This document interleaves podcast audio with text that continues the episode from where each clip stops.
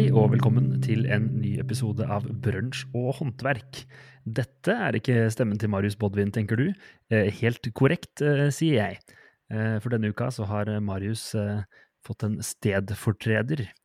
Vi har jo lenge planlagt å ha episode med en gjest, og det har vi nå. Men, men gjesten har fått en, en enda større og viktigere og prestisjetung rolle utover det å bare være en tredjemann i podkasten. Eh, vi har nemlig besøk denne uka av eh, ingen andre enn Martin Berg. Så ikke bare er han gjest, men han er også denne ukens Marius-podien. Velkommen, Martin. jo, takk for det. Ja, det er jo noen sko å fylle, det, da. Snakk om å legge lista høyt, for å si det sånn. Ja, ja. Vi snakka kort om nerver rett før vi begynte å spille inn her, og jeg regner med at dette hjalp masse.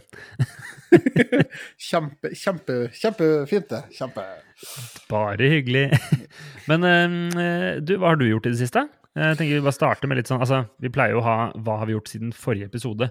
Men du var jo ikke med på forrige episode, så det blir jo litt dårlig gjort. Men jeg kan jo si hva jeg har gjort siden sist, og så kan du si hva du har gjort eh, de, i den, den, siste tiden, da, som ikke er sånn helt direkte verkstedrelatert. Sånn, Hva som skjer i, hva som skjer i livet og, eh, og, sånn ellers. Jeg kan godt begynne, så får du en blueprint på hva man kan fortelle om, hvis det ja. hjelper. Um, Forrige episode ble jo spilt inn Jeg har lyst til å si for to uker siden, men det stemmer aldri. Fordi vi er ikke så gode på dette her med å holde, holde det til annenhver uke. Eh, vakker dag, så skal det gå. Eh, men forrige episode ble spilt inn like før jeg tok vinterferie. Eh, og vinterferien den ble tilbrakt på Norefjell. Jeg tok meg en sånn skikkelig god, gammeldags, lang vinterferie som jeg hadde da jeg gikk på skolen. Dro opp til Norefjell og bare var der hele uka. Jeg hadde noen venner med meg opp de første dagene noen venner som besøkte meg midt i uka. Eh, og så kom resten av familien litt sånn eh, seinere i uka. Så hadde jeg bursdag på onsdagen. Eh, Marius hadde vel for så vidt også bursdag etter forrige podkastinnspilling. Jeg tror han har Nå skal jeg ikke si feil, men jeg tror han kanskje har 18. februar. Eller 13. Noe sånt noe. Eh, han er ikke her, så han kan ikke rette på oss. Nei. Eh, men han har hvert fall blitt, nå er jeg blitt 29, så da er det ett år igjen til moroa virkelig starter. Det er sånn jeg velger å se på det, i hvert fall. Oi, oi, oi, oi. Eh, og så, eh, mandagen etter vinterferien, så hadde jeg en litt sånn artig utflukt. Jeg tenkte jeg skulle komme litt tilbake til den seinere, for det er mye mer snekkerrelatert. Eh, men da var jeg på besøk hos eh, Møbelsnekkerskolen i Mysen. Og det var eh, veldig spennende, så det kan vi skravle om etterpå. Eh, men ellers, så, altså helga etter vinterferien, så hadde jeg en uh, dagstur til Hovden skisenter, som var fantastisk. Sto på snowboard uh, og ski med en uh, god kompis som heter Tobias. Um, og så har jeg vært på en liten Oslo-tur. Det var den helga som var nå nettopp. både for å være litt med familie og for å se litt konserter. Jeg var på konsert med rockebandet Sorgen på lørdag kveld på Vaterland. Um, og på søndagen så så jeg et en irsk artist som heter Dermot Kennedy, på Sentrum Scene. Å gå på konsert en søndag kveld i Oslo når man ikke bor i Oslo, er jo litt uh, ambisiøst, men uh, jeg tok hjemreisen på mandagen. Uh, og jeg dro på den konserten fordi det er en veldig god venn av meg som spiller trommer i det bandet. Han er også irsk, og han ble kjent med på en trommecamp jeg var på i utkanten av Dublin i 2016. Jeg tror ikke jeg har sett han siden den campen. Det var i hvert fall veldig hyggelig. Så jeg så konserten, og så etterpå så fikk jeg bli med backstage og litt sånn. da, vet du. Det var, oi, oi, oi, Det var, det var stas. Det var ganske artig, fordi da traff jeg jo han eh, sjefen sjøl også, Dermot Kennedy. Og eh, jeg tipper alle de andre i publikum hadde vært ganske oppgitt hvis de så hva jeg gjorde backstage. Fordi jeg totalt ignorerte jo han, for jeg skulle jo ikke snakke med han. Han er ikke kompisen min. så jeg sto bare i andre enden av rommet og skravla med kompisen min i stedet om, om, alt mulig rart. Uh, jeg fikk jo sagt hei til ham, men han, uh, han satte sikkert pris på å få være litt i fred og ro. Ja. Uh, det var i hvert fall veldig gøy. og ellers så har det vært en del snekring. Det tar vi når vi kommer til den berømte delen av podkasten som heter Arbeidsbenken. men hva har du gjort i det siste, Martin? ja, i det siste Den er jo vag, da. Uh, det er jo jobb, da. Det er det jo. Uh, jeg har jo skifta yrke for et halvår siden. Ganske nøyaktig et halvår siden nå. Uh, Jobba jo lenge som tømrer. og, og trivdes egentlig med det, men så var det tid for å skifte beite, og da fant jeg ut at nei, men da, da skal jeg prøve noe annet, hvis jeg har muligheten til det. Så da ble det møbelsnekker, eller industrisnekker, eller hva man vil kalle det. Jeg er jo ikke utdanna. Jeg har jo jeg har kun fagbrev som tømrer, men eh, Men da ble det litt mer eh, innredning og interiør generelt. Og det er gøy. Ja, veldig gøy. Veldig mange fine store maskiner som jeg passer på å sende, sende litt snapper av, eh, som jeg syns er litt artig, da. Når du, når du står der og kantlister for hånd, så har jeg en maskin jeg bare setter inni, og så kommer det ut ferdig. ferdig jeg tror jeg hadde spart tid hvis jeg hadde, hvis jeg hadde kjørt til Trøndelag og lånt kantbåndmaskina og så kjørt ned igjen. Jeg tror det hadde gått fortere enn å gjøre det med strykejern. Ja, det, det kan hende. Jeg har, jeg har stryket på med strykejern, jeg òg. Eh, og det tar mye lengre tid. Det gjør det, altså. Ja. Eh, den, er, den, er, veldig fin. Vi har masse maskiner som er veldig kjekke. Men ja. det lurer jeg på, nå, nå, skal vi ikke spore av helt umiddelbart, da, men jeg, akkurat når det kommer til kantbånd med maskin, så lurer jeg på um, Fordi jeg har hatt noen sånne ruller med kantbånd i eik, og iblant så er det deler av kantbåndet som ikke er like pene, at det er noen seksjoner man gjerne skulle valgt bort. da. Um, det har vært en sånn tilnærming til noe kvistaktig greier. og sånn. Det er kanskje litt ikke kvist, men det var noe sånn, noen områder som var ganske mye mørkere. da.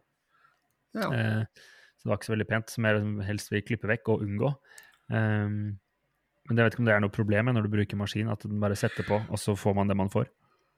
Ja, det, det blir jo egentlig det, det, det, men det kan jo handle med om eh, hvilken eh, Altså hvilken kvalitet på limbåndet du bruker, eller kantlista. Ja. Mm. Uh, men uh, det har jo hendt at uh, jeg ikke følger med helt, og så plutselig så Å nei, der var rullen tom, ja. ja. ja. Og da kom bare halvveis i det jeg skulle ha på kantlist. Det var jo ikke så smart, men da får du revet den av og pussa vekk litt lim og skrapa ja, den, Sånn, for, for, ja, ja. Eh, den, den uh, maskina vår den, den, freser bort òg. Så du bare stiller den ja. på den tjukkelsen uh, kantlista på, og så freser den bort. Og så du, du tar uh, det, Hvis du setter inn ei plate som er 60, så når den kommer ut, så er den fortsatt 60. Ja, ja, ikke sant? Er ikke du trenger liksom ikke å ta høyde mm -hmm. mm. Trenger ikke å ta høyde ja, for heldigvis ikke Det er så deilig, da. Jeg har ennå ikke uh, snubla skikkelig på det. Men jeg, jeg, satt og tenkte på det da jeg tegna opp eh, det møbelet jeg har bygd nå i det siste i SketchUp, at jeg skulle ha en litt glipe mellom dørene, og da tok jeg høyde for den mm. liksom, halve millimeteren eller noe da, som er tykkelsen ja. på kantbåndet. Det er viktig. Kult. Jeg glemte jo helt å be om en sånn uh, intro av hvem du er og hva du driver med, men nå har vi på en måte dekka det også, da. Um, ja, litt. Rann. Men for de som ikke kjenner deg fra før, så kan vi jo nevne litt hvordan vi kjenner hverandre. Uh, det sa du også da vi skravla litt før innspilling, at uh, du, du, kjenner jo oss gjennom podkasten. Du hørte på, og så da vi annonserte at vi skulle ta en tur til Maker Central i England i fjor, så var du rask på ballen og sa at du, det hørtes gøy ut, jeg blir med. Ja. Eh, og da var Marius og jeg litt spent på hvem slags gærning som kom til å møte oss da. Men eh, vi hadde, hatt morsomt med det i ettertid, fordi jeg husker eh, vi drev og fant ut av hvordan vi skulle booke hotellrom og sånn, om uh, man skulle dele eller, eller, sånn. Da husker jeg Marius var litt sånn Nei, jeg tror jeg tar, jeg tar et eget rom eller, eller et rom med Vidar. Eh, for det er jo hyggelig med nye folk, men man veit jo aldri helt. Nei, ja, det er litt sånn sketchy. Men vi snakka jo om Airbnb først, og jeg er bare sånn Ja, det har jeg aldri prøvd, og ja, det er sikkert greit, men de vet jo ikke hvem jeg er for noe. Så, og jeg vet altså, Du kunne jo vært skikkelig slitsom, og så hadde vi vært stuck ja, ja. med deg i tre dager. ja, ja, ikke sant? En raring fra Trøndelag. Mm. Men det gikk, det gikk heldigvis bra. Og så har vi bare holdt kontakten siden da, og ble, ble gode kompiser. Det blir jo fort sånn når man er eh, i samme bransje og med samme interesser. Og ikke minst veldig mye felles referanser. da. Man hører på samme podcaster og ser samme folk på YouTube, i tillegg til å drive med samme, samme virke, så blir det jo gode vennskap av sånt. Ja, det gjør det. Jeg husker eh, Jimmy Dressa spurte jo hvem jeg var når vi sto i kø eh, på Maker Central. Og spurte men hvem er du, liksom? Og så jeg bare Nei, jeg, jeg er Rikard og Marius sin groupie, jeg. Det var det det kom ut. Det, jeg greier ikke helt å Jeg var litt sånn halvveis starstruck i tillegg, da, så da greier jo ikke å ja, det er ikke alltid det er bare bare å ordlegge seg når man, eh, når man prater med folk man har sett masse på på internett. Nei. Men det var, eh, det var i hvert fall en utrolig fin tur. da. Det blir jo ikke helt, uh, helt gjentagelse i år, da. Jeg har i hvert fall kjøpt billett. Jeg vet ikke om Marius har kjøpt billett ennå, men jeg er ganske sikker på at han skal. Han har egentlig ikke noe valg. Men jeg skjønte at du ikke skulle ta turen denne gangen. Ja, det blir Eller, det er aldri si aldri. Uh, men uh, jeg, blir jo, jeg blir jo far, uh, far igjen om ja, tre uker eller sånn. Tre-fire uker. Ja, ikke sant? Eller Gratulerer. helst, og eh, Jo, takk for det. Så har jeg jo en, en fra før òg som krever litt, så jeg, har, jeg har fått Du trenger ikke å planlegge med at du skal dra. Det Nei. kan heller bli en bonus om det går. Så, Jeg hadde en, eh, eh, jeg hadde en ja. litt lignende for noen år siden, hvor jeg, jeg og broren min hadde bestilt en, eh, en reise til Japan. Vi hadde funnet noe, eh, noe SAS-billetter på eh, tilbud. Så hadde vi booka det til, til meg og, og brorsan. Og så uh, viste det seg at kona til broren min hadde termin med deres første datter. Da, sam, jeg tror det var samme dag eller dagen før avreise. Eh, ei, ai, ai. Så det ble ikke noe Japan-tur på broren min. Da var det en kompis som fikk den billetten i stedet. Og det var nok lurt. ja, det Spesielt på nummer én. Det uh, Ja. Ikke vet hva, hva man går til, så Nei, de neste det er liksom ikke så nøye. Jeg er nummer fire i rekka, så jeg børster dem så vidt støvet. av, Så. ja.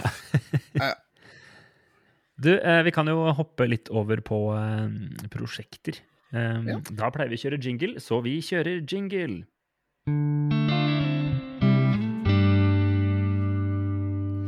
All right. Eh, da lurer jeg på om du har eh, Om du for øyeblikket eller tidligere i uka eller nylig har hatt noe fett på arbeidsbenken.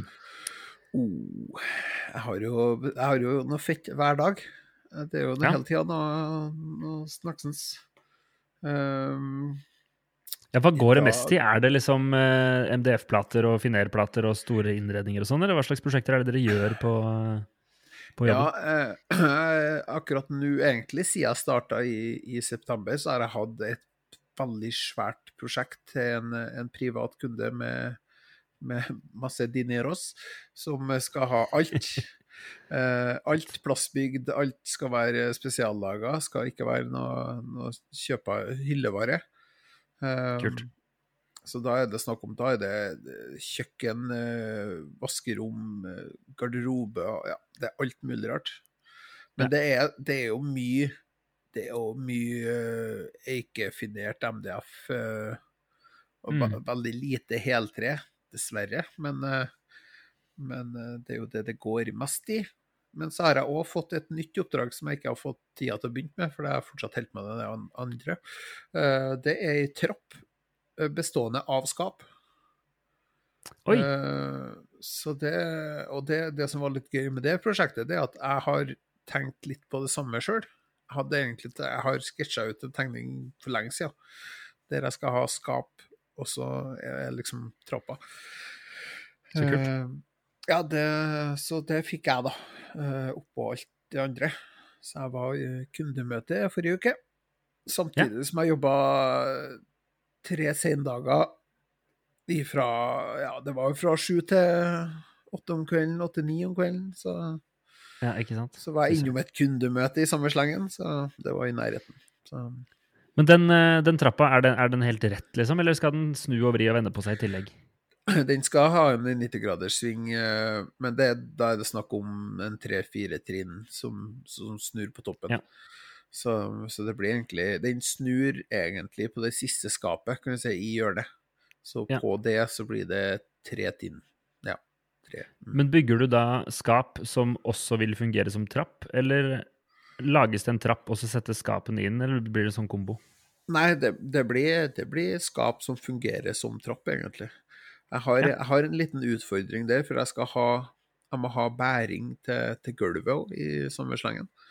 Så jeg må, jeg må, lage en form for, for, Jeg må lage en form for søyle som ikke går Som går ned i, i skapet. Belastninga må gå ned i skapet. Uh, så at jeg slipper å ha en søyle som går ned foran skapene, for da blir det så, det blir så dum løsning. Så får vi ikke mm. opp døren sånn. Den er litt, den er litt Tror, altså, Da virker det som eh, Ja, ja. Det virker som et sånt prosjekt der uh, tømrerbakgrunnen uh, kommer ganske godt med, da, med forståelse for bæring og alt sånt. Jeg hadde jo vært på veldig dypt vann hvis jeg hadde fått en sånn jobb. ja, men jeg, jeg, er på dypt vann, jeg også. Så det, det, men jeg har jo, en, jeg har jo, en, har jo jobba noen år som tømrer, så jeg har en viss forståelse for, for bæring. Altså, mm. skal, det skal ikke bare være kjapp, den skal gå videre i et repo, og så skal den gå opp igjen og til en eller til to skrivepulter bortover. Eh, ja, bortover ikke sant? Hele veien. Så det er en veldig fiffig, eh, fiffig oppdrag. Men så fett, da. Hvem er det som designer og tegner de tingene der? Nei, jeg har jo fått Det er jo en arkitekt som har tegna selve gropskissa. Ja. Um, mm. Men det er jo ikke noe Det er jo ikke noe, det er ikke noe ingeniørtegning. Så jeg må jo på en måte tegne opp på nytt. Uh, og da har jeg gått tilbake til SketchUp litt. Da. Jeg har jo egentlig brukt ja. Fusion lenge, men eh, jobben bruker jeg SketchUp, og da må jeg nesten bare gå tilbake til det igjen. Det er nesten det litt greit, altså. kjipt å høre at det fungerer i større bedrifter, fordi da blir det liksom eh, insentivet for å lære meg fusion litt, eh, litt mindre. ja, jeg synes at fusion er, er, er bra på 3D-modellering til f.eks. Eh, CNC-fressing eller, eller 3D-printing. Mm. Eh, og det, det, er fullt mulig å lage eh, altså, illustrasjoner til, til, til møbler òg. Men SketchUp ja. er mye jeg vil si, SketchUp er mye enklere i den forstand til, til akkurat sånne ting. altså. Er, altså, jeg har jo sett uh, nytten i, i, Fusion av å kunne tegne et eller annet, og så endre f.eks. materialvalg og dimensjoner på det i etterkant. Ja. Uh, det er jo litt mer eh, klønete i, uh, i SketchUp. Jeg har hatt en del ganger hvor jeg f.eks. Skal, skal bygge et eller annet, og så finner du at jeg har lyst til å endre tykkelsen på en front, eller, eller på et eller annet som er mer sånn en del av konstruksjonen. Si du har tegna en skuff med 16 mm-plater, og så vil du endre til 12. Mm. Altså, hvis du har brukt komponenter, så trenger du bare redigere den ene skuffen, men allikevel så må du da flytte alle delene og skyve hit og dit for å få det til å fungere med, med sammenføyninger og sånn. Ja. Men til, til, meg så blir det mer eh, jeg, jeg, tar ikke jeg, jeg, tegner ikke ned til veldig detaljert nivå. Jeg jobber mer i verksted og finner løsningene der. Ja. Eh, det er ikke alt, Du får ikke med alt på det første uansett. Så eh, Nei. Så noen, løsninger må du vel på en måte ta litt på, litt på sparket og det er jo sånn jeg liker å jobbe, egentlig. Ja. Så, det er litt sånn jeg holder på også, at uh, jeg, for, hvis jeg skal ha en 45 graders sammenføyning, så prøver jeg å tegne inn det sånn at jeg slipper å lure på hva jeg hadde tenkt her, og da blir målene riktige også når jeg, jeg bruker den målebåndsfunksjonen ofte for å sjekke hva jeg egentlig hadde planlagt. um, men plassering av dominoer og sånne ting, det tar jeg litt sånn på på erfaring og på gefühlen. Og så eh, Foreløpig så har jeg tegna opp skuffer ganske detaljert, men på sikt så er målet at jeg bare kan ta lysåpningen, og så bare veit jeg hvordan skuffen skal konstrueres. At jeg bare kan skisse det ut på en liten lapp eller noe sånt. Um, jeg, er jo så heldig at jeg har masse kollegaer som Eller masse, jeg har noen kollegaer som kan det der i hodet. Ja. Så har, jeg sier sånn Du, jeg har en lysåpning her på så mye. Ja, da må skuffa være så brei. Det, det mm. minus det. Så jeg, det, En av de første tingene jeg kjøpte meg til den nye jobben, det var ei lita svart bok som jeg skriver ja. opp sånne ting i. Og det, det har hjulpet utrolig, altså. Bare liksom Da har jeg det, det, det, er jo utrolig mange skinnesystemer og sånne ting. Eh, vi, vi bruker ja. mest av Bloom, da. Eh, mm. Så, men det, det, er jo De har jo mange forskjellige, dem òg, så det noen liker de gamle litt, sortene. Eh, og, ja. ja. man må holde tunga litt rett i munnen. Så uh, ikke alltid bare stole på at uh, det man gjorde forrige gang, var det som, er det som gjelder nå. ja, det, jeg, har brent meg på det. eh, skuffe, skuffa inni et skap som har hengsler. Ja. Der hengslene da blir i veia. Det, det hadde ikke jeg forutsett. Nei. Ja, det, det høres ut som et potensielt potensiell, eh, ja, potensiell hodebry. Ja, men eh, det går. Alt går. Med å trikse og vikse litt. Ja, Ja, alt, alt kan løses. Jeg, Ja. det var, altså, jeg skulle bestille noen deler til skuffeskinnekonstruksjonen. Eller altså, jeg skulle bestille no, noen skinner fra Beslagteknikk. Han er så herlig, han fyren som er på telefonen der sånn. Jeg husker ikke helt hva han heter. Øyvind, kanskje. Eh, og, eh, og jeg er jo fersk, så jeg kan jo ikke alle begrepene. Men det var kult, for da kunne jeg bare Han spurte om, om lysåpninga på møbelet. Og for det første så visste jeg ikke hva en lysåpning var for noe. Selv om det sier seg jo litt selv, da. Men da lærte jeg at det var på en måte mm, bredden på innsiden, da. Der hvor Altså hullet som skuffen skal passe, monteres inni. Eh, og da visste han umiddelbart hva jeg trengte, og at jeg skulle ha sånn skinn og ikke sånn skinn, og at jeg måtte kanskje ha et sånt der stag for å synkronisere høyre og venstre skinne når det er push to open og alt mulig rart. Eh, det er gøy med sånne fagfolk som bare har snøring. ja, det er det. Og det, det Jeg er jo heldig å ha kollegaer som kan alt det der, så Ja. Jeg spør jo mye. Jeg har jo spurt, men jeg er mer sjøldreven nå. eh, Kult. Det er god evne, da, når du er, eh, når du er ny i et, eh, i et fagfelt, selv om du har mye kunnskap. Det er sikkert mye folk som er nye i firmaer, og så er de for stolte til å spørre om hjelp, og så går det bare sinnssykt sakte. Jeg har jo Jeg har jo, jeg har jo hatt lærlinger sjøl som, som har vært redd for å spørre. Og jeg, da er jeg bare sånn Men du må spørre. Det, mm. Så er du usikker, kom og spør, istedenfor at du står og grubler. Så det Det er mye likere, det. Jeg tror jeg faktisk jeg skal eh, Kanskje jeg skal bare ta deg på ordet der og begynne å ringe deg hver gang jeg lurer på ting i verkstedet? ja, ja, ja, kjør på. Så blir det en sånn sånn landeplage på eh, Det blir sånn landeplage på jobben din. Det er sånn, ah, 'Nå ringer han der idioten på Sørlandet igjen.' Ufaglært og plagsom. ja, ja, ja. ja, ja. Jeg kan jo eh, hoppe litt inn på mitt prosjekt. da. Jeg har jo snakka om det tidligere, det der eh, entrémøbelet. Eh, Nå er det jo endelig ferdig. Det henger fortsatt på veggen på verkstedet, for jeg har ikke montert hos kunden ennå. Det skal jeg gjøre på mandag. Um, men nå er det i hvert fall komplett. Alle skuffer er inni, og alle skuffer passa. Og eh, push to open fungerer, og eh, overflaten, overflaten er eh, blitt fin. Fin med masse deilig rubio på. Eh, så det ble, det, syns jeg ble veldig bra. Det, var, eh, det tok enormt mye lengre tid enn jeg kanskje hadde trodd. Både fordi jeg ikke jobber åtte timer om dagen hver dag, men uh, må fordele litt over tid. Uh, men samtidig var det godt å, å ta det i et rolig tempo, sånn at jeg ikke gjorde noen feil. Eh, for på det prosjektet, det er jeg veldig fornøyd med. Det var ingenting som måtte liksom gjøres om igjen, eller noe som ikke passa, eller som jeg hadde planlagt i tegninga som ikke lot seg gjøre. Altså alt, alt gikk som det skulle da, på første forsøk. Eh, Da får det heller være at det forsøket tok veldig lang tid. Det, Det ble, det, det ble bra. akkurat det med å, å ikke, altså, ikke greie å gjøre feil og sånne ting, det har jeg fortsatt eh, litt igjen, jeg, altså. Um, å, å frese ting på en stor CNC-fres, og så plutselig Ja, der skulle det være med et høl, ja. Ja, nei, da må jeg kjøre det på nytt igjen, da. Så, Mm. så jeg har sagt det til sjefen min at jeg, jeg blir glad den dagen jeg greier å bygge et selskap uten at jeg har gjort noe, noe, noe feil. Ja, og det er jo som man sier, altså en, en god håndverker er jo de som klarer å skjule feilene sine, og eh, gjør det på delikat vis. Ja, Det var i hvert fall relativt smertefritt nå. Altså det, altså, eh, den ene store feilen er jo bare tidsberegninga og prisberegninga. Ja. Eh, skal, skal fortsatt ta liksom siste regnestykke med kunden for å se litt hva vi ble enige om, for det er en, eh, det er en bekjent fra musikkbransjen her nede, så eh, vil jo ikke brenne alle broer ved å eh, prise det Nei. Altså hvis jeg priser det til timen jeg har brukt, så er det mulig jeg må beholde møbelet. For jeg har det på veggen sjøl. Nei, men det, mm, der skal vi finne, finne ut noe lurt.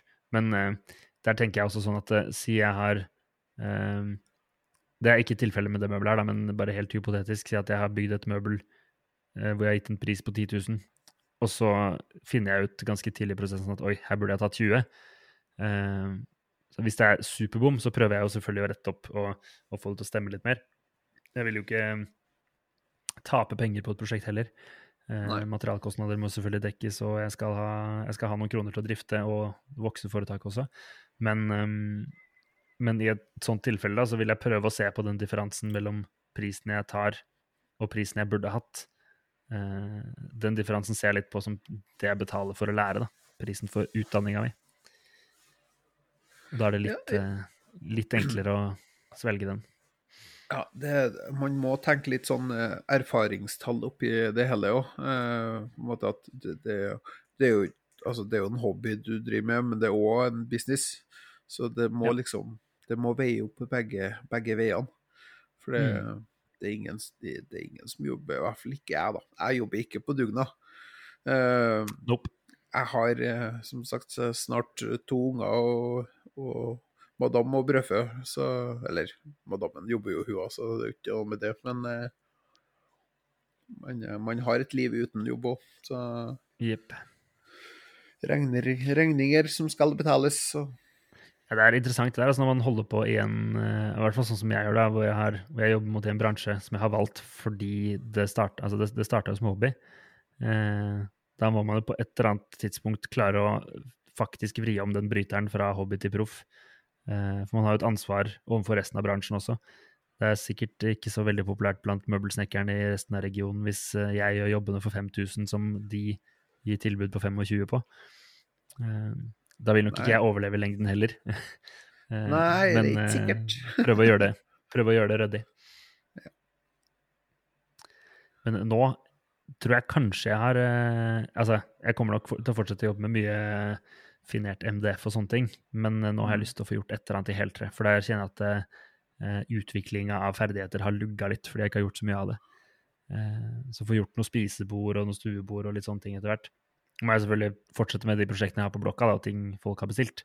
Ja. Uh, men prøve å ta meg litt tid til, til sånne prosjekter også. Jeg, når jeg lager ting, lager ting hjem, da, så er det jo, det er jo stort sett ting til meg sjøl. Ja. Uh, så Men det har liksom blitt, uh, mi, blitt litt mindre, for at uh, ja, men det, det, kan jeg gjøre på jobb. Og så har jeg ikke mm. tid når jeg er på jobb. Jeg må jo kjøre, kjøre en halvtimes tid for å komme meg på jobb. Så, og så er det sånn ja. jeg må rekke hjem til middag og barnehage og Ja, så det er sånn hmm. Ja, men, nei, men det kan jeg gjøre på jobb i stedet for å gjøre det hjemme. Sjøl om jeg har jo, en, har jo, en, full garasje det ikke står noe bil i, for å si det sånn, ja. med, med, masse verktøy. Så. Men jeg har, for du, jeg har planer Du har jo hatt en sånn eh, Ja, digg.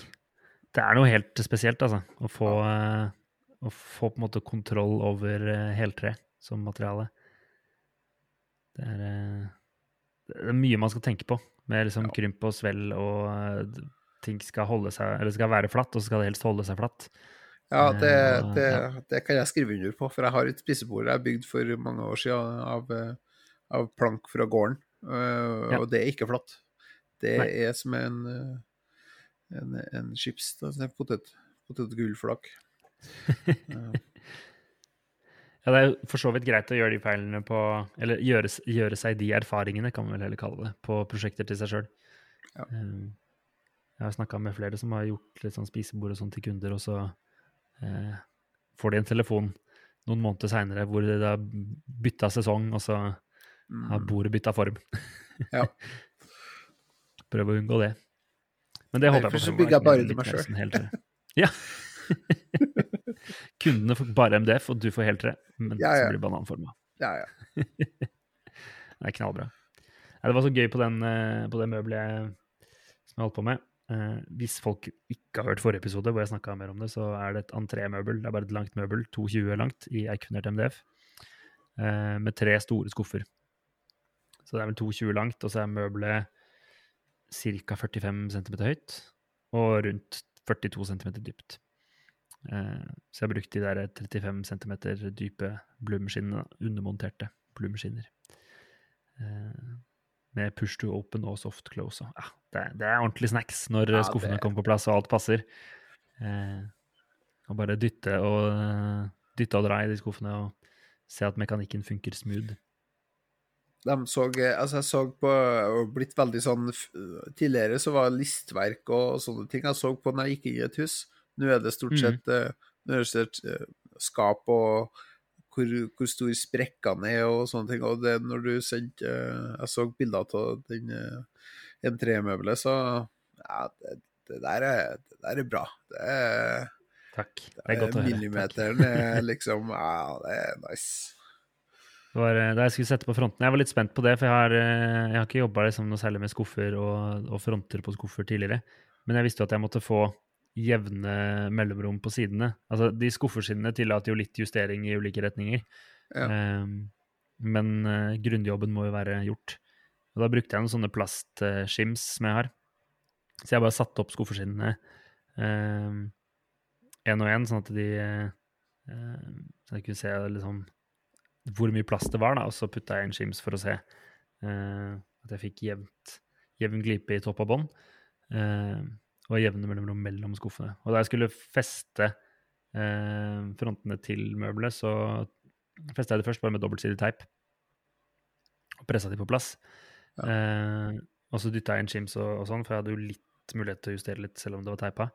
Eh, og så trakk jeg skuffen forsiktig ut og satt på tvinger, og så skrudde jeg fra innsida. Eh, det ble bra, det. Smart. Får håpe at de ikke skal ha veldig tunge ting oppi skuffene, for da siger de litt.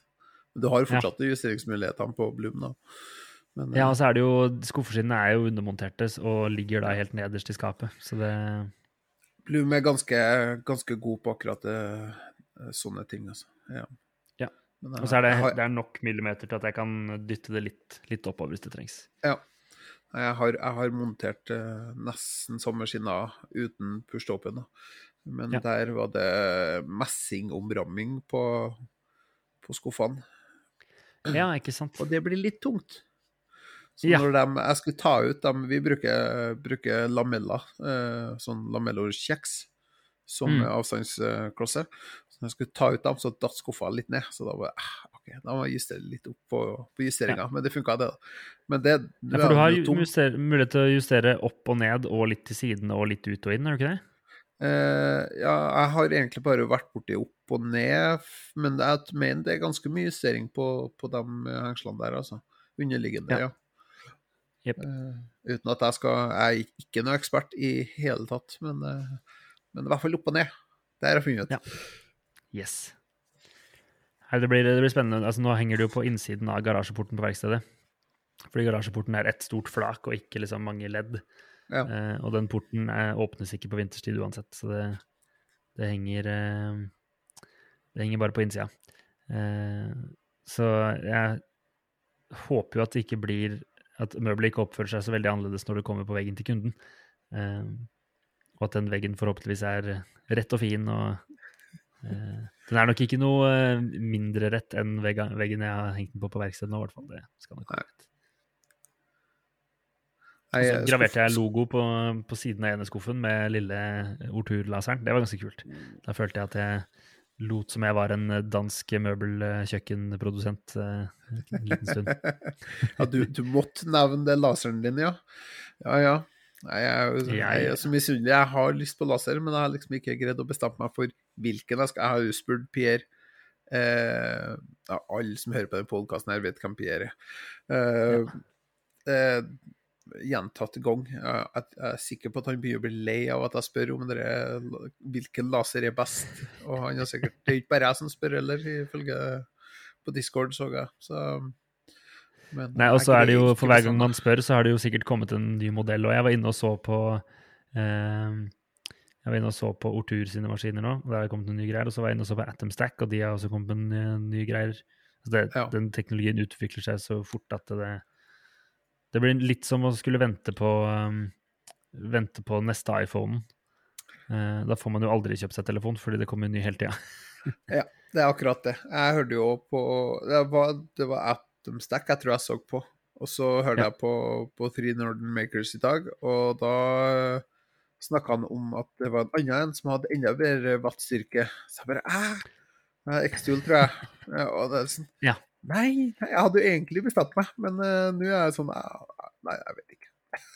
Nei, nei, det er ikke lett, altså. Og så um, er det jo litt uh, Altså, jeg har egentlig funnet ut at jeg trenger ikke den styrken, egentlig. Det jeg trenger, er en eh, Det jeg trenger, er en diodelaser som kan gravere pent. Fordi det er eh, stort sett gravering jeg trenger. Um, men eh, det er jo digg å kunne kutte også, da, hvis, eh, hvis man har behov for det. Ja, det er akkurat det. Jeg blir sånn Jeg, skal, jeg, har, jeg er egentlig samme, samme båt som deg. Jeg trenger egentlig ikke noe gravering Altså, eller nei, skjæring. Fordi jeg Mm. har jo jeg har to, to store CNC-fresser, tilgang på jobb, hvis Ja. har kuttet kutte ut noe. Eh, Og så har jeg jo en, en eh, CNC fra jeg har bygd sjøl i garasjen. Um, så det er egentlig gravering som jeg, har, har lyst til, altså.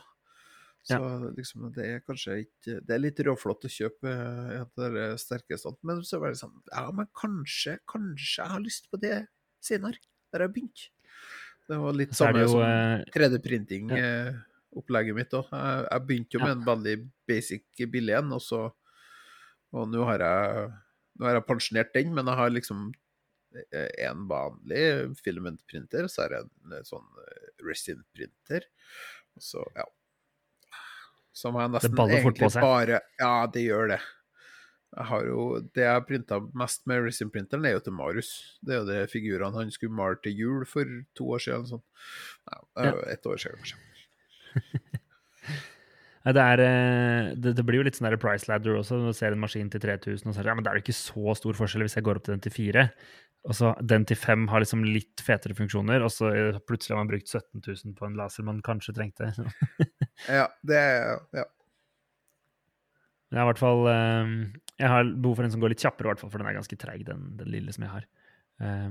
Jeg så at altså, det var en kompis som har kjøpt sam, akkurat samme som jeg har, men jeg tror den er Altså eh, Det er en yngre maskin, så den, eh, den er faktisk en del kjappere enn den jeg har. Eh, jeg vet ikke om det går på software, om det går på om det er noen hardware-ting der som er forbedra, men den var en del kjappere enn en min. Da tenkte jeg nei, men da må se om jeg får oppgradert etter hvert. Eh, Så det blir ja, Jeg syns den Atom-stacken så fin ut, for der følger du med en sånn liten kompressor med air assist og sånn. Eh, Det er den jeg har sett på. Men, Jeg har ikke kikka noe særlig på X2-maskinene, men eh, det er vel kanskje noe tilsvarende der. ja, jeg, jeg, jeg lurer på om X-Tool har en, en litt høyere wattstyrke akkurat nå, men altså, det, det skiftes jo hele tida. De, Ja. de kjemper jo om å være på toppen, så det er jo liksom eh, Ja, altså For min del så er jo altså jeg har tenkt, Når jeg har lagd coasters og sånn som sånn band-merch, så er det jo nice å ha en maskin som både kan kutte og gravere. Eh, men da går det så innmari mye kjappere å bare leie seg inn et sted hvor de har en skikkelig CO2-laser. Men igjen så syns jeg diodelaserne graverer penere, for de graverer ganske mye mørkere. Eh, så det er eh, Da må vi bare kjøpe en av hver, tenker jeg. Ja, ja, ja. ja. Når jeg blir millionær. Ja. Eh, men det er i hvert fall det jeg har holdt på med i det siste, på, altså prosjektet på verkstedet. For det møbelet har tatt, tatt en del tid, og nå er det ferdig. Nå skal jeg straks ut og reise litt og sånt, så jeg får ikke satt i gang med noen nye ting helt enda. Men uh, til neste uke så går jeg nok videre på ny, litt nye ting. Uh, og da må jeg nesten bare kartlegge hva jeg har på, på blokka. Det er litt filterholdere som skal gjøres ferdig, så det er mulig jeg tar noen dager og gjør ferdig en batch med det. Uh, og så har jeg bestillinger på litt andre ting som skal gjøres. Leier Og litt monteringer mor, på kunstsenteret. Eh, fare for at hun må en liten tur til på besøk. Det var så hyggelig sist. ja. Jeg fikk jo snakka med mor di når vi var i Oslo, uh, på denne Skaperfestivalen. Ja, riktig. Det riktig, riktig. det er dame med bein i nassen og hun er ikke redd for å ta i, hun, altså. Nei, nei, nei, hun er rå. Jeg traff henne i- i helgen og bekymra for at det skal bli for mye prat om, eh, om henne på podkasten. Så sier jeg nei, men det, det er velfortjent. Det skulle bare mangle. Det bare hyggelig. Ja.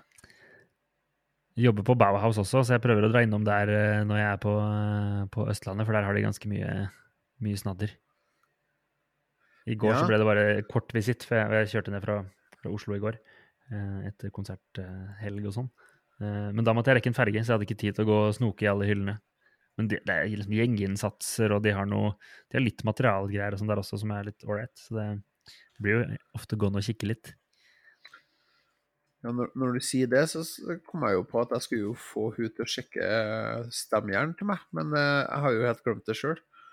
Ja, de Two Eh, Cherries-jerna. Yes. Men det har jeg Ja. jo helt glemt av. ja, ja. Hun hører helt sikkert på, så da Ja. Det fikser hun, vet du. Ja, ja, ja. Det er bra. Kanon. Ehm, det er egentlig det jeg har av sånne prosjekter på verkstedet om dagen. Det er alltid ting som burde organiseres og ordnes og sånn, men nå, nå er i hvert fall det møbelet ferdig. Så nå gleder jeg meg liksom til å Nå føler jeg at hodet er litt over vann igjen. Um, og så neste runde, da blir det å, å komme seg litt videre på lista. Det skal bli godt. Eh, Det, er, altså, det året her starta jo med det møbelet, så jeg har jo basically ikke gjort noe annet i år enn det. Eh, Jeg har, hatt litt, eh, jeg har vært en tur innom Agder kunstsenter igjen og gjort litt sånt, eh, sånn monteringsjobb der. Men ellers har det vært entrémøbel og snowboard. Og det, det blir ikke så mye Man må liksom Det er ikke så lett å um, gjøre nye investeringer og sånn hvis man kun står på snowboard og bygger ett møbel på to og en halv måned. Så nå må jeg stå på litt, sa han og dro på ferie i morgen. Ja, ja du, du har nettopp sagt at du skulle ut og reise. Det blir kort tur, da. Jeg er hjemme igjen, eh, hjemme igjen på mandag. Ja, ja, OK. Ja. Du, eh, vi var jo litt innpå det, men jeg lurte litt på eh, Det er jo relevant eh, i alle segmentene vi har, men eh, altså den overgangen fra å jobbe som tømrer til å jobbe som møbelsnekker, hvordan, hvordan har det vært? Det, det har jo på en måte Det har jo gått veldig bra. Eh, jeg var jo sånn Jeg var litt spent sjøl, for at da skulle jeg egentlig ta hobbyen min over det jeg likte å gjøre på, som fritid. Skulle jeg jobbe med daglig. Eh, Mm. Jeg var litt spent på det. Eh, og så ikke, ikke bare om, om jeg greide å gjøre jobben, men hva skjer med hobbyen min? Vil jeg Ja. bli på en måte lei av å så jeg ikke lager noe, noe som helst? Men, men hodet mitt eh, kan jo drifte bort når jeg står og lager en ting til jobb, og så ah, Sånn her kanskje jeg skulle hatt hjemme òg. Så det blir sånn, ja. Eh, det, kan, eh, det kan bli begge deler. Går begge Har det veier. gått noe på, gått noe på bekostning av eh, liksom kreativiteten utafor jobb, eller, eh, eller får du liksom oppfylt litt det behovet for å snekre og bygge årene? jeg har jo fått øh, Jeg har jo fått veldig mye frihet til å tenke sjøl og finne på løsningene sjøl Mm. på jobb. Så jeg har på en måte Jeg har jo på en måte fått utfoldelse der. Men jeg kan jo godt bli sittende hjemme på, på kveldstid og kikke gjennom YouTube, og så bare Ja, det har jeg lyst til å lage meg, og det har jeg lyst til å uh, akkurat nå, det eneste hobbyprosjektet jeg har nå, er vel eh, jeg driver og lager en diorama. Litt sånn Ja. små, små, små pill og eh, litt sånn artig, artig småtteri. Men eh, Mm. det, det ikke Det går litt på bekostning, ja, egentlig. Fordi eh, det blir, det blir lange dager med tenking, og så Ja, sant. Det er mer fristende å skru av hodet litt når man, eh, når man Ja. kommer hjem. Det kan jo også hende at det endrer seg over tid, da, når du får eh, når du Ja. kommer blir liksom litt mer innkjørt på jobb, og, og det går kanskje litt mer på automatikk. Eh, At man får tid til prosjektet på si.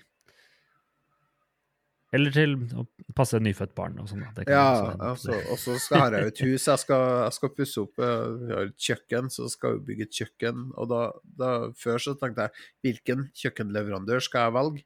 Eh, Ja. Nå er det meg som er kjøkkenleverandøren, så Ja, men det blir rått, da. Ja da. Det, det, det er så fascinerende hvor enkelt et kjøkkenskrog kan bygges. Det er bare å kappe Ja. deler, så legge på CNC forresten, og så bare sjup, sjup, så er jeg ferdig. Så jeg bare Yes. skru i hop. Jeg bruker vel en uke på det samme.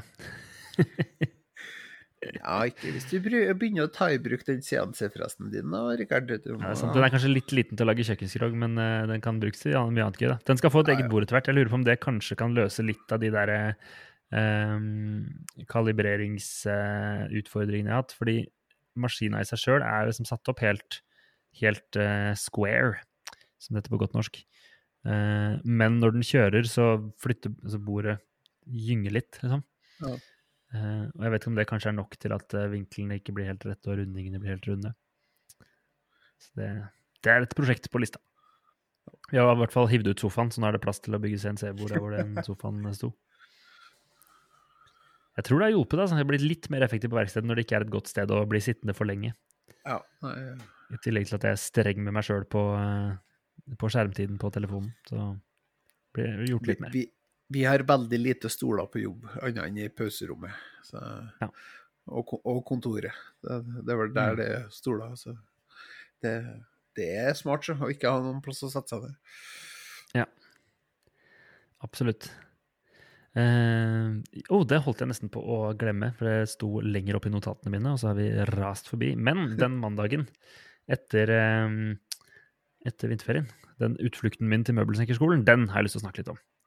Ja. Uh, for det var innmari gøy, og så er det sikkert interessant og relevant for, for flere som hører på. Jeg følger Møbelsnekkerskolen i Mysen på Instagram, og så kjenner jeg litt folk som har gått der. Blant annet eh, på Instagram Møbelsnekker Andersen, Theodor. Eh, han har gått der. I farta så husker jeg ikke om Elias Teinum, eh, som har Han trakk det lengste strået og har Instagram-navnet Mobelsnekker, rett og slett. Jeg husker ikke om han også har gått der, men de, begge de to jobber hos Bewood i Oslo og jobber nesten utelukkende med Jeg tror de jobber utelukkende med heltre, og ganske mye med håndverktøy. Og, ja. Helt sinnssykt flinke folk. Eh, så gjennom de så har jeg blitt liksom blitt obs på at den skolen fins. Eh, og så er det ei jeg følger som heter Sval Interiør, Eli, eh, som går der nå. Og hun har jeg fulgt, fulgt i flere år, og så så jeg nå at hun Eller det var altså, starten av skoleåret i fjor, så starta hun på Møbelsnekkerskolen. Så nå har jeg fått litt mer sånn innblikk i skolehverdagen der, og det ser jo sinnssykt moro ut. Og så så jeg at de skulle ha åpen dag, så da var det bare å hive seg rundt. Sendte jeg melding til en kompis eh, som heter Christer, som bor i Vestby. Eh, han er også trommeslager, som har blitt eh, hobbysnekker. Rainbow Woodworks på Instagram. Så jeg sendte han en melding. Jeg visste at han var i pappaperm, så kanskje han hadde lyst til å bruke en dag av pappapermen til å bli med på utflukt. Og det hadde han lyst til. Så da plukka jeg opp han, og så kjørte vi ut til Mysen. Eh, og jeg trodde jo egentlig, I utgangspunktet så var jeg forberedt på at det skulle bare være sånn åpne dører, og så kan man bare valse rundt og kikke. Men den eh, åpne dagen var jo arrangert i forbindelse med uh, søknadsfristen. Eh, fordi det er jo, selv om det er stort sett uh, unge voksne og uh, eldre voksne som går der, så er det jo en videregående skole. Bare at de ikke har de, altså de andre fagene. Det er kun møbelsnekring. Ikke noe norsk og engelsk og geografi og sånn. Men da følger de i hvert fall søknadsfristen til videregående skole. Så eh, det starta rett og slett med et lite foredrag hvor eh, rektor på skolen eh, presenterte hva skolen er, og hva den ikke er, og historien og studieløpet, hvordan det er lagt opp med, med år én og år to og, så videre. Hva som kreves av forkompetanse, hvis noen, og så videre, og så videre. Så det var veldig interessant. Og så fikk vi en liten omvisning, da vi fikk se verkstedet, hvor første året og andre året har på en måte hver sin seksjon med store, fine høvelbenker. Hver elev har liksom én høvelbenk og et skap med, med sine håndverktøy. Jeg tror alle får liksom utdelt en sånn pakke med basic håndverktøy. da, Høvler og sager og sånn. Um, og så var det et svært, fint maskinrom som var lagt opp eh, Det var ikke så, det var ikke så innmari stort, som var litt nice, for det var, det var omtrent på størrelse med verkstedet mitt. Men med flatt gulv, da, vil jeg merke. Um, men det var lagt opp eh, veldig fint. De hadde fått plass til en stor, fin formatsag i tillegg til eh, båndsag og høvler og alt mulig, og en deilig festivalpark. Eh, og så var det rom til eh, eget som pusserom nede i kjelleren, og så var det eh, et rom hvor de kunne gjøre eh, finishing. Og de holdt på å sette opp til at man kan, eh, kan lære å sprøytelakkere også. Eh, så det dekka liksom alt, da. Ja. Eh, og så er det et, det jeg lærte da om Nå husker jeg ikke alle detaljene, selvfølgelig. Um, men de hadde Altså, det er et toårig løp um, som da er Jeg vet ikke om det da tilsvarer VG2 og VG3 eller VG1 VG2, men det er i hvert fall toårig.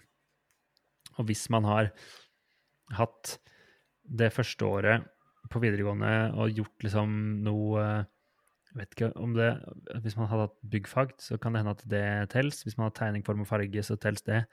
Eh, da, kan man, eh, da er det mulighet for å hoppe rett inn på det andre året.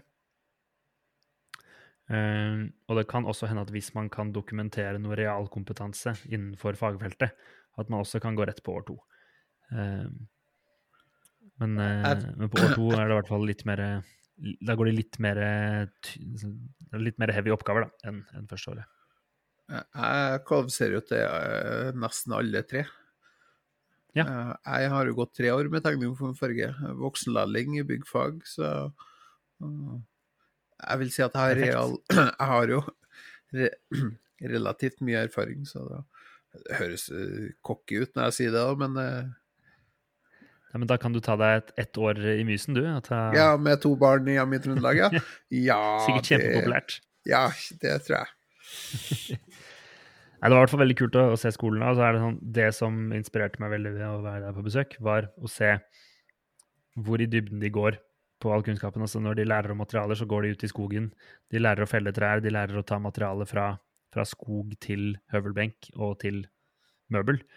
Um, og de starter liksom i Jeg tror en av oppgavene de gjør i starten av første året, er å lage et salatbestikk hvor de bruker grønt virke, altså helt ferskt treverk for å lære om krymp og svell og hvordan materialet oppfører seg. Eh, og så tar de alle de eh, lærdommene og, og emnene med seg videre inn i større prosjekter. Eh, og de lager skap med, eh, altså med, med dører og hengsler og alt mulig rart. Eh, for å få fylt opp alt kompetansen som trengs da, for å kunne gjennomføre en, eh, en svenneprøve. Men så skal man jo da ha for å bli ferdigutdanna møbelsnekker, så må du da ha to år på skole og så to år i lære. Eh, eller ett år på skole hvis du oppfyller kompetansen til å hoppe over det første året. Eh, så løpet av eh, de åra så vet jeg at elevene er ute hos bedrifter, og de jobber veldig tett med, med ulike bedrifter, sånn at man kan som får altså rett og slett ha praksisperioder. Da. Så jeg vet at hun Eli var også på Bewood, der hvor Elias og Theodor jobber. Um, og da er det praktisk begge årene, sånn at man får litt en sånn feeling da, hvordan det er å være ute i felten og ikke bare stå på skolebenken. Så det så sinnssykt kult ut. Er det, er det noe du, du kunne ha tenkt deg, eller? Liksom eh, back to school again? Ja, altså mens jeg var der, så da frista det jo noe sinnssykt. Eh, Ja. Så snakka jeg med han rektoren etterpå og, og hørte litt hvordan det er eh, Hvordan det kan være mulig å gjennomføre, da. Fordi altså, jeg bor jo feil del av landet um, og har ikke så veldig mye ledig tid. Og det er en Jeg tror det er fire dager i uka jeg, at det er skole. Og da er det ni til tre. Eh, hvor man eh, da har tilgang til, eh, til skolen fra åtte til fire, tror jeg. Så du har liksom litt tid før og litt etter. Uh, og så var det noen muligheter for å, for å utvide det, da, sånn at man kan ha tilgang til, til verkstedet uh, den femte dagen, så man ikke har skole, og litt på kveldstid. Eh, så da kan det være mulig å kombinere det med litt, litt egne prosjekter. Så eh, eh, jeg har i hvert fall tenkt tanken. Og så har jeg- altså, jeg har jo tenkt at jeg skal flytte meg retning Østlandet på sikt. Eh, og da kan det jo være en måte å gjøre den overgangen fra Sørlandet til Østlandet litt smidigere. Hvis jeg tar det første året der oppe eh, som et sånt skolebenkår. Eh, for det å få den eh, altså ordentlig formell kompetanse eh, Altså papirene er ikke så viktig for min del, om, det, om jeg har et eh, svennebrev å vise fram eller ikke. Det er ikke så det er ikke så viktig.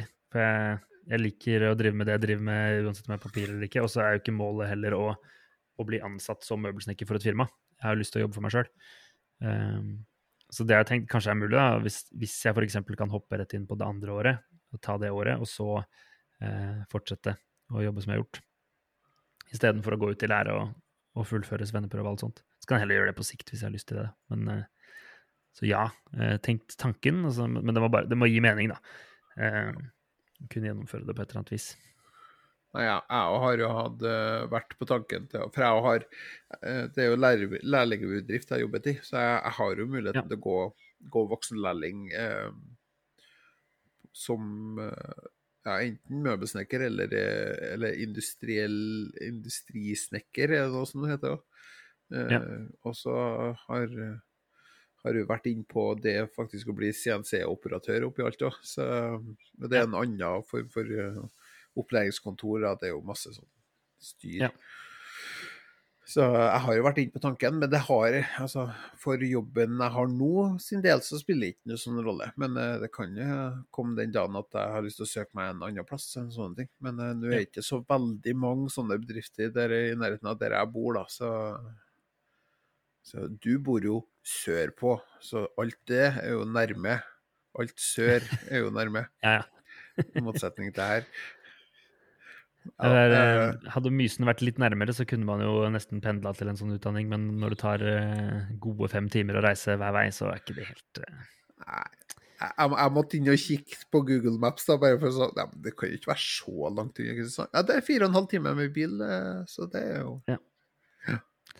Hvis jeg begynner ni om morgenen, da, må jeg kjøre i eh, halv fem-tida.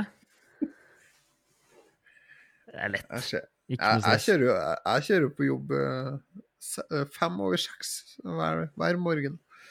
Ja, ikke sant? kjører jeg på. Men det tar en halvtime, og den halvtimen er veldig god når du har en kopp kaffe og radio. og Det hørtes egentlig veldig fint ut. ja, det er det. Er, om ikke så mange dager så kan du eh, ta en kopp kaffe og så høre på deg selv på podkast. Oi, oi, oi. Det blir så klint, men ja, ja. Kommer du til å høre den episoden? Det lurer jeg på. Ah, ja, mest sannsynlig. Å, å stå cringe. For jeg har sikkert snakka altfor pent.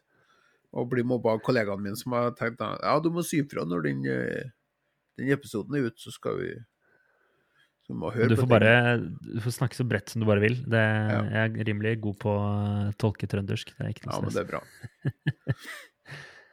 Fett. Nei, det var i hvert fall litt om den turen. Eh, Jeg burde jo hatt alle, alt av tall og info, sånn at jeg kunne solgt inn den skolen eh, like bra som de som eh, jobber der. Men, men de har mye bra innhold på internett. Sjekk ut Instagrammen og sjekk ut nettsidene. De som syns det ser spennende ut. Jeg tror i hvert fall for min del så kunne det tetta ganske mye sånn kunnskapshull. da. Og det å faktisk ta seg tid til å jobbe over, altså over lang tid med med heltere og, og bare få den kunnskapen banka inn. Um, fordi når man er i en hverdag hvor man skal prøve å få inn noen kroner, så eh, blir det fort eikfunert MDF. eh, I stedet for å ta seg tiden til å jobbe med heltere. Man, man, man velger det som man vet har litt kunnskap om. Og da Ja. kommer du ikke Ja, så er det jo ikke minst kostnader kostnad òg. Det er jo Nei, altså bygge Det ser jo møbelsnekkere rundt omkring det, som gjør skuffer i heltre, men det er en eh, ti- tidskrevende prosess. Og så blir det jo en pris, pris deretter også. Så det Men det er i hvert fall gøy da, å, å kartlegge litt muligheter. Eh, Jeg har jo også liksom lekt med tanken på å studere noe sånn produktdesign, eh, arkitektur, alt mulig sånt. Det virker jo sinnssykt spennende å faktisk eh, gå skikkelig i dybden på noe. Jeg har gjort det med musikken, og det var utrolig gøy. Eh, men så må man jo gjøre det ikke nødvendigvis bare for eh, å få noen papirer i hånda, men fordi man syns det er moro. Eh, så vi får se hva det blir til på sikt, men nå har jeg i hvert fall kartlagt mulighetene, da. Det er veldig gøy. Du er fremdeles ung, Rikard. Du er ung, vet du. Jeg så et eller annet klipp med en eller annen uh, kjempeamerikansk sånn motivational person som snakka med noe uh, Jeg tror han snakka med noen 25-åringer. Uh, og de var så stressa for hva de skulle De hadde ikke liksom funnet yrkesveien sin og hva de skulle gjøre med livet sitt. Eh, og da ble han fly forbanna på dem, fordi de hadde jo eh, mye bedre tid enn de innså sjøl. Eh, og eksempelet han hadde, var at de kunne teste et nytt yrke i seks måneder av gangen. I ti ganger. Og da de var ferdig med det, så var de fortsatt bare 30. Eh, og da ble det sånn hm, Ja, det er ikke dumt. Jeg forstår litt sånn i samme båt. Vært, tatt seks år med musikkutdannelse og nå blitt møbelsnekker. Og fortsatt eh, Ja, det er 29. Fortsatt god tid. Ja, Jeg er 36, og jeg har nettopp bytta yrke, så det, Ja, ja, det er alt, alt mulig. Ikke noe hastverk. Man skal jo eh, like det man driver med. Eh, Absolutt. Og ikke leve for å jobbe, og så videre. Det er det sikkert sånn motivasjonsfolk som kan formulere bedre enn meg, så jeg lar, jeg lar pent være. Kult. Da tror jeg vi kan hoppe videre til neste segment.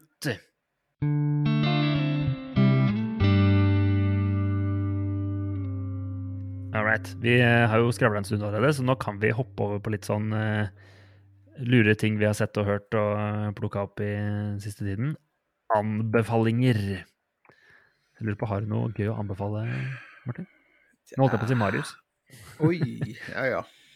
Ja, ja, ja. Uh, nei, si det. Uh, jeg har jo prøvd å gå gjennom YouTube-loggen min. Uh, vi snakka jo litt før vi begynte at den er jo full av trailere og Peppa Gris og ja. Så det er liksom litt sånn vanskelig å Det er jo sikkert noen småbarnsforeldre der ute som setter veldig pris på noen anbefalinger til hvilken episode av Peppa Gris som har mest pedagogisk ja, den om Amerika var veldig interessant nå. Nei, um, nei, si det. Jeg har jo fulgt um, Jeg vet ikke om du vet om uh, Wormwood? Et amerikansk uh, firma som Ganske stort firma nå, da. Som lager De lager uh, møbler for gaming. Altså sånn oh, ja. DND og ja, alt mulig. Ja, ikke sant? Eh, og de har, eh, de har laga noen tøffe møbler der, eh, der du har gamingbordet under, og så kan du liksom ha, ha, det som et spisebord. Og så tar du av platene, ja. og så har du liksom Jeg har fulgt med, fulgt med dem en god stund. Det er jo mer, mer de, det er jo mer folkene etter hvert. Jeg starta å se på pga. møblene, men nå er det bare artig. Det er jo veldig amerikansk, da. Så ja. ja du får jo, du får jo litt, litt, av det amerikanske i det òg, men uh, ja, men det skal, det skal, jeg sjekke ut. Det hørtes kult ut. Også, men de har sagt at de, de, de, sender ikke eh, bord til Norge, eller til utlandet, rett og slett. Nei, så bygger sjøl, da. Ja. Det, jeg har, jeg har sittet og sketsja og sett ja, ja. på detaljer og bare OK, sånn, ja. Sånn du gjør det. Ja, OK. Mm, mm. Hvordan hardware bruker du der? Må prøve å google. Så jeg har planer om å bygge et sånt bord uten at uh... Til noe konkret gaming, eller? Nei, det er bare, det er bare allsidig bord. Uh, ja. Uh, så, og madammen er veldig glad til å pusle puslespill, og det er jo genialt. Kunne ha den i, ja. ned i bordet. Og... Var det ikke Jeg lurer på om um, Simone Gjert lagde et eller annet bord en gang. Hvor man kunne pusle puslespill og så bare trekke for eller flytte på noe greier som gjorde at du kunne bare la det ligge, og så kunne du spise middag, og så kunne du fortsette. Ja, hun, hun hadde sveiv med sånn tambour som har bare sveiva. Ja, ja, ja. Det var jo genialt. Uh, hun, er, hun, har jeg òg sett på litt i det siste. Hun, og, hun og Lauren Kampf hadde jo en, en, en De pussa opp uh, verkstedet der er jo òg veldig sånn anbefaling. Sjekk ut sånne videoer på YouTube. Jeg har ikke noe sånn konkrete. Men mm. det å sitte og se på verksted som blir renovert, det, ja. det, det, er terapeutisk. Ja, det er helt rått. Da jeg, både da jeg tok over eh, bygget som jeg er i nå, men også da jeg holdt på på Makerspace, og spes altså egentlig spesielt i tiden før Makerspace, hvor jeg ikke hadde tilgang på noe som helst, og en bordsag var bare sånn derre eh, fjernt eh, fjern drøm i det fjerne. Da så jeg på mye sånne ting. Eh, men det er kult, altså. Folk som bare bygger praktiske og velorganiserte verkstedlokaler. Nam, nam, nam, nam, nam. Og så har jeg, eller jeg vet ikke om jeg kan anbefale, for jeg har ikke fått testa den ut så veldig mye. Men det har testa den ut, har det fungert veldig bra. Og det er en, en tostegs luftrenser fra X-Minister ja. uh, som jeg kjøpte på Gustavsen. Ja. Uh, endelig fått hengt den opp. Kult. Og, og, det, og, den filtrerer lufta ganske bra. så i hvert fall på, Nå er ikke verkstedet mitt sånn kjempestort, men, uh, men, det funker veldig bra. Mm. Spesielt når du står og pusser, pusser og du freser på CNC-fresen og sånne ting. Da, det blir en del støv, altså. Spesielt når du skal frese MDF. Det er jo ja ikke bra. Der, eh, jeg har en sånn fra Record Power, også fra Gustavsen, tror jeg. Ja. Eh, som også er sånn, det er to, to filtre i den. Eh, jeg prøver å sette den på når jeg kjører Borsaga, for selv om Borsaga har altså, eh, Jeg skulle til å si selv om den har bra avsug, men det har den ikke, fordi avsuget jeg har, det er litt for langt rør og litt for lite kraft. Eh, men da hjelper det å, å, sette på den i taket, for den surrer å gå. Eh, det er Det er sånne ting som, det er ikke så gøy å bruke penger på sånn HMS og eh, passe på lungene sine innkjøp, men eh, når man først har gjort det, så er det jo ganske ganske mye mer komfortabelt å stå og jobbe. Jeg, jeg, jeg merka stor forskjell på I hvert fall når jeg I den lille garasjen min. Jeg merka stor forskjell, så det, det er på en måte en Mm. anbefaling. For det, Ja. Spesielt MDF eh, er jo ikke bra. Ikke Nei. Bra. Jeg hørte et eller annet sted at eh, den europeiske MDF-en er litt mindre forferdelig for lungene enn den amerikanske. Men jeg det er jo fortsatt ikke å anbefale å inhalere store mengder. Nei. Kult. Uh, Wormwood og uh, var det, det var Axminster luftrenser du brukte?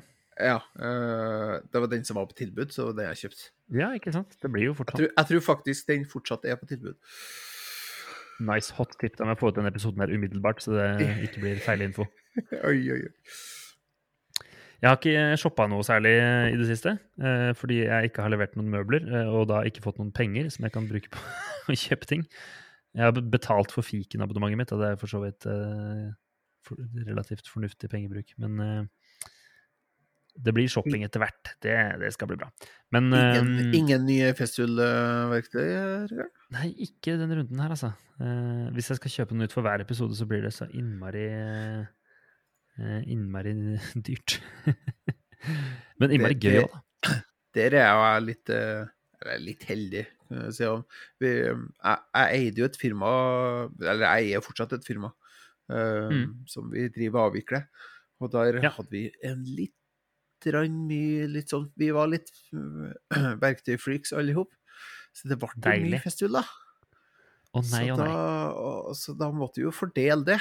Uh, vi kunne Ja. jo selge, selge. Og uh, disclaimer, jeg har skatter for alt, uh, så det er ikke noe sånn under bordet-salg her, altså. Men da, da ble det en Capex, da. Og det ble Ja. bordsag.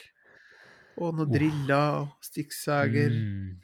Og så har vi en del sånn fellesutstyr, da. Sånn eh, domino og litt sånne snacks, snacksy ting. Men, eh, Men da har du, har du en del av det hjemme, men også Dere har sikkert en festivalpark på jobb i tillegg. Ja, vi har, vi har faktisk ikke så mye festival, men vi har litt. Eh, Mm. Men ja.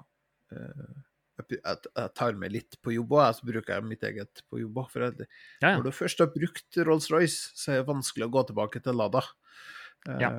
Så Nei, vi har en, eh, vi har en Ryobi-kappsag på verkstedet, og den, jeg vet ikke om altså, Bladet må definitivt byttes, men jeg tror også hele maskinen er ganske moden for utskiftning, for den, eh, det er ikke så veldig mye bjeff igjen i den bikkja. Eh, men, eh, men så jeg bruker jeg ikke kappsag så ofte heller. Ja, ikke sant? Vi har tilpassa hele den der eh, kappsagstasjonen til den Ryobien. Eh, det- vi kommer ikke til å kjøpe samme på nytt, men da, vi først skal ha, så har jeg jo veldig lyst på en Capex, da. Ja. Men de er, Eh, de er svinedyr. Men Ja. uh, det- man får til og man, man trenger ikke så dyrt utstyr, men når du har, har det, så er det, det er Ja. utrolig enkelt, altså. Få ting Ja, hvis jeg skal gjøre mer heltre-ting òg, det å kunne bare ta lengden på en altså noe grov eikeplank, liksom, før det skal høvles og før det skal dimensjoneres, så er det ganske nice. Eh, så vi får nå se. Eh, jeg får eh, godsnakke litt med Kim. Kim, hvis du hører på, jeg har lyst på Capex. Jeg har ikke lyst til å betale for den. Ja, Det er det ikke meningen å spole deg helt av på, på Men jeg er jo Nei, herregud. vet du. Så ja, Åh, det er så moro. Eh, men hva Vi kan må skravle litt om det òg. Det er ingen som, eh, som bestemmer hvor lenge vi kan prate sammen. um, hva, hva er det dere bruker mest av på, på jobb? Er Festool? Er det, altså, har dere pussemaskin og sånn, eller? Ja, vi har, vi har eh, Der har vi noen uh, Merca Merca-maskiner, blant annet. Um, og så er det jo Men det som er egentlig fint med med finert eik, det er at det må ikke pusses så hinsides mye.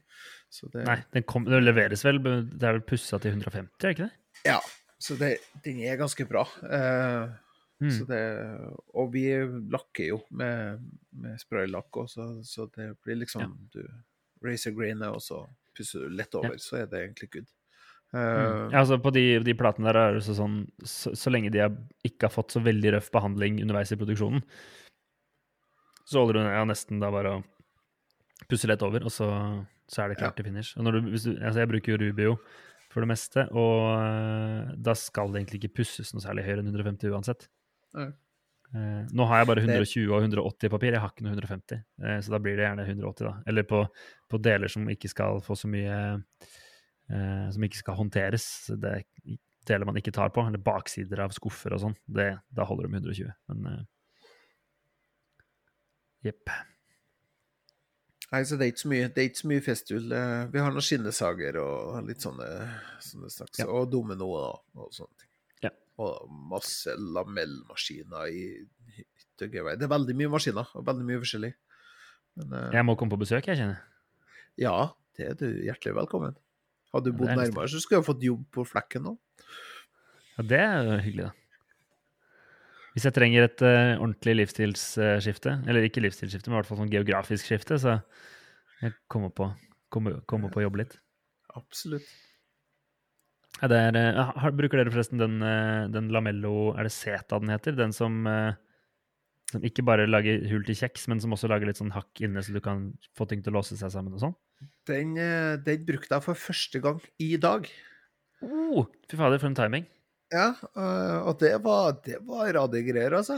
Det var, det var snasent. Jeg skulle, jeg skulle sette ei bakplate til, til et TV-møbel. Og så Mm. kunne jeg ikke skru på sidene. Jeg kunne skru oppå og nedpå, eller over og under. Men på sidene så skulle ikke det vises noe. Så da, da prøvde jeg den for første gang, og det, det smatt på plass, og det låste det nesten bedre Brukte du en sånn hvor du hadde, eh, brukte du en sånn hvor du hadde tilgang med Umbraco for å stramme, eller brukte du den som bare klikker sammen? Bare den som klikker sammen. Uh, Ja. har jeg. For jeg tror ikke vi har noen inn av den. Jeg tror vi har verktøyene til å lage med hull og alt det der med Umbraco, men eh, jeg tror ikke vi har noen til dem på, på jobb. Mm. Men uh, det Ja, var for den, eh, det, det den var står ganske høyt oppe opp på lista. Og der har jeg jo sett folk som da lager hyller til, eh, til skap, hvor de eh, De lager liksom fester til sånne lamelloer i skapstammen. Og så på hylla så lager de bare ett langt spor, så de kan bare skyve hylla innpå, og så stramme. Ja. Eh, for da kan du jo dytte inn hylle i eksisterende skap på en litt annen måte enn du kan med, med domino. Eh, Absolutt. Ja, så det, det frister litt. På, på sånne fiffig- plastbilder fiffig og greier. sånn. Ja. Det står på lista. Nei, jeg har litt anbefalinger, jeg også. Uh, først litt sånn kjedelige, åpenbare, som eh, sikkert uh, alle andre uh, storkonsumenter av serier og snacks har fått med seg. Men uh, først er jo da selvfølgelig Drive to Survive, nyeste, nyeste sesongen. Den kom jo for litt siden, da, men jeg fikk endelig sett ferdig den. Åh, nå skal han kose seg. Hva har i, hva har du i koppen? En cola. det var ikke verre. Ja. ja, men det var jo Det var jo ryddig. Ehm, det var, det var en podkastinnspilling hvor Marius og jeg kjøpte noe brus før vi skulle spille inn, og begge satt og liksom eh, prøvde å ikke rape hele, hele innspillinga. Så siden den gang så har jeg prøvd å, prøvd å holde meg unna. Selv om det er skikkelig hyggelig å liksom, ta seg en øl eller noe mens man spiller inn. Jeg, lo jeg lover ingenting. det er bra du har popfilter. Eh, altså det er Drive to Survive som 5. Jeg er jo blitt glad i Formel 1 som et, altså, på grunn av Drive to Survive. Fikk liksom innblikk i sporten mer enn bare njom, njom, njom. Eh, og syns det var litt fett. Og nå ser jeg jo da også løpene, da. Eh, jeg er jo bortreist nå til helga, det er ikke sikkert jeg får med meg løpet som går nå på søndag.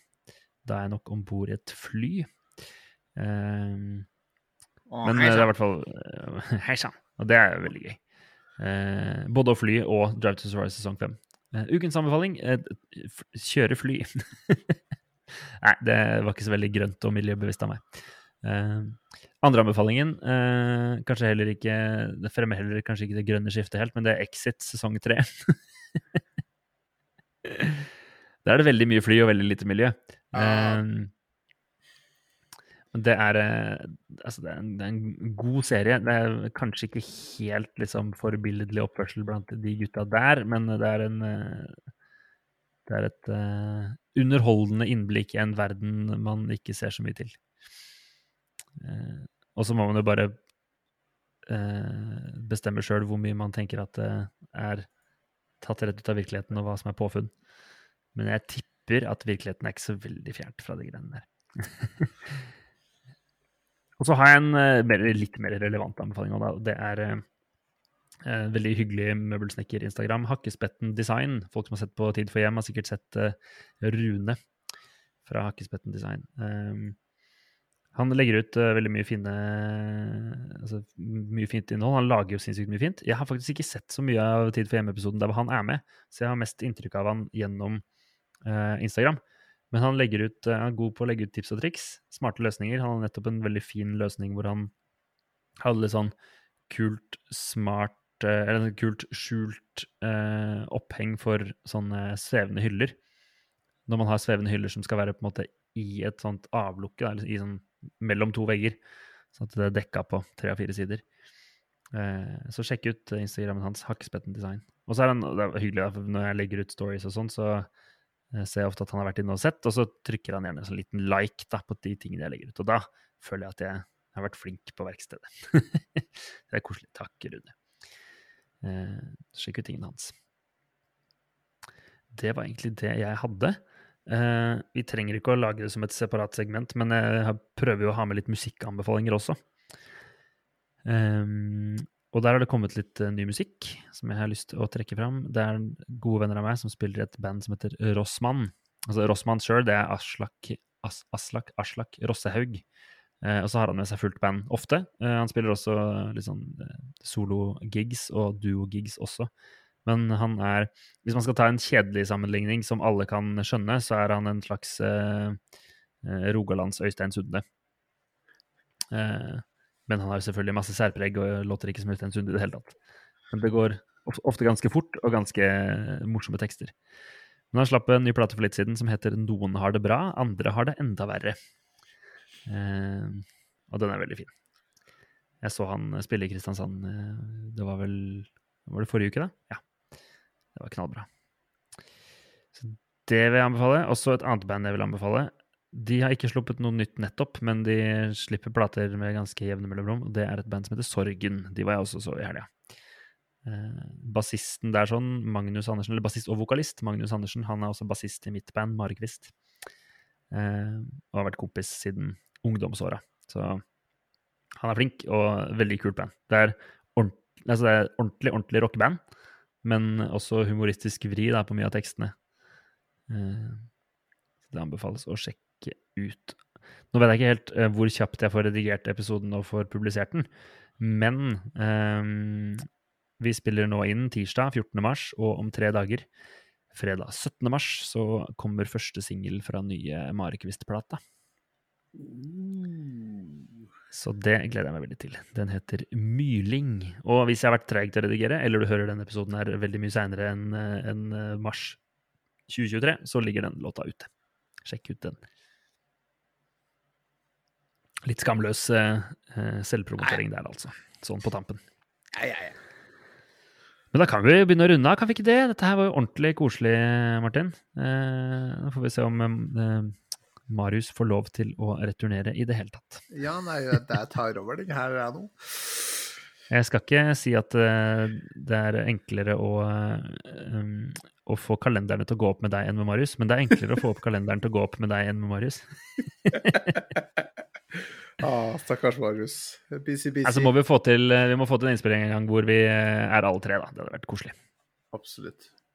Det er bare spørsmål om tid før vi er i samme by alle tre og kan gjøre en sånn in person-innspilling. Det hadde vært koselig. Ja, det, det Marius har snakka om, om, å komme oppover en, en tur, så dere må, ja. dere må ta turen. Det, ja, det har vært veldig hyggelig. Bare hyggelig. Men du, hvor er det man finner deg på internettet? Eh, jeg har en Instagram som heter Ja, hva heter den nå, da? Jeg har jo gjort om den så mange ganger, så det er Maker Martin Berg. Ja. Så der eh, er jeg ikke så kjempeivrig på å legge ut uh, for tida. Jeg, jeg, glemmer egentlig å ta bilder. Mm. Jeg gjør sånn småprosjekt nå og da, også, men jeg glemmer jo å legge ut. Har eh, jobben noe eh, mediekanaler også, eller? Eh, nei, der er de litt gammeldags. Ja. Enda. Det har jeg tenkt å gjøre noe med. Uh, det, må- Det tyder jo på at det går an å drive som møbelsnekker uten å være all over sosiale medier. Da. Det er jo for så vidt en god ting. de, de har fått det til. Det, det er mye, mye, mye å gjøre. Det, Hva heter Jeg firmaet du jobber for, forresten? Uh, det heter Simons Interiør. Ja. Starta av en, eh, en uh, tysker som heter Harald Simon. Så Mm. Jeg trodde han het Simon, men uh, han heter jo det. Men uh, bare til etternavn, ikke fornavn. Og så er den nå solgt videre til en, en, en annen som, som driver det. Ja. Kult. Så det er seks ansatte, seks-ish ansatte. Mm. Kult. Og veldig, veldig bra gjeng. Det virker Absolutt. hyggelig å ha kollegaer. Jeg savner det iblant når jeg ikke vet åssen jeg skal montere en skuffeskinne.